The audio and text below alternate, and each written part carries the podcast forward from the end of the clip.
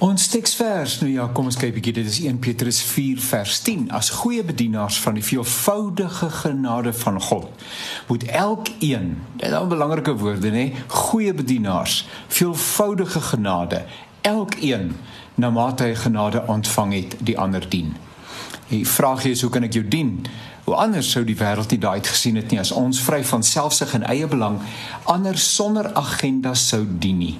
Ons mag redeneer dat ons nie selfsugtig is nie, inderdaad en inderdaad by ander mense betrokke is. En is beter as niks, maar maar wat van die soms baie subtiele agenda wat agter ons dienswerk skuil? Dit kan wees om jouself beter te laat voel. Dit kan wees dat wanneer jy 'n behoefte het, daardie mense eendag na jou sal omsien. Dit kan wees omdat jy dink dit is wat uh, natuurlik jou saak met die Here gaan regmaak.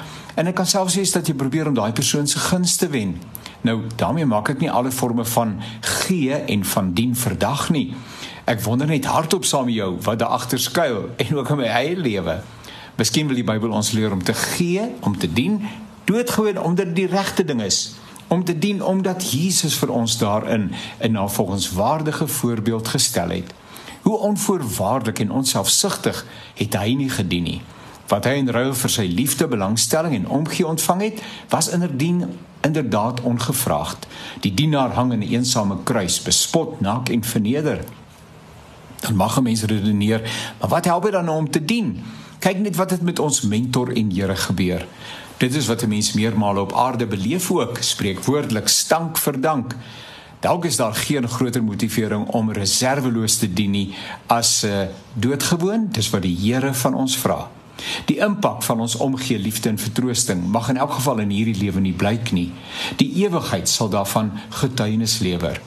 Elkeen wat uh het ietsie wat hy van die Here ontvang het, die Bybel praat van 'n genadegawe wat hy met iemand kan deel en weer keer daai woord elkeen. Alle verdienste is daarmee by die nek afgesny, want alles is in elk geval genade, onverdiende guns alleen. Wie is daar vir wie jy vandag moet dien? Nie sodat daardie persoon afhanklik van jou word en jou ego daardeur gedien word nie, maar om daai persoon soos die spreekwoord sê op sy voete te help. Dis dien sodat iemand anders self 'n dienaar kan word. Dis ook die wese van disippelskap. Prediker 11 vers 1 Werp jou brood op die water en na verloop van baie dae sal jy dit vind.